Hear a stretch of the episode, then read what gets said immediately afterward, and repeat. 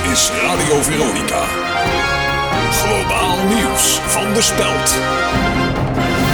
Goedemorgen, mijn naam is Diederik Smit. Hi. Jacques Verharen heeft zijn zwemdiploma A behaald. De Brabander mag daardoor formeel aan de slag als bondscoach van de Australische zwemploeg. Verharen begeleidde Pieter van de Hogeband, Inge de Bruin en Ranomi Kromowidjojo naar Olympisch goud. In die tijd werkte hij met een stroomman die wel een zwemdiploma had. Louis van Gaal is blij met zijn nieuwe baan als trainer van Manchester United. De huidige bondscoach van Oranje zegt zich de komende twee maanden in alle rust te gaan voorbereiden op zijn nieuwe uitdaging. De zelfverwezenlijking van Egbert Verdoorn uit Oldenzaal is vijf minuten stilgelegd door ernstige rellen. Vlak nadat Verdoorn de wereld probleemcentrisch in plaats van egocentrisch ging aanschouwen, werden vanaf de tribune aanstekers en scherpe voorwerpen naar hem gegooid.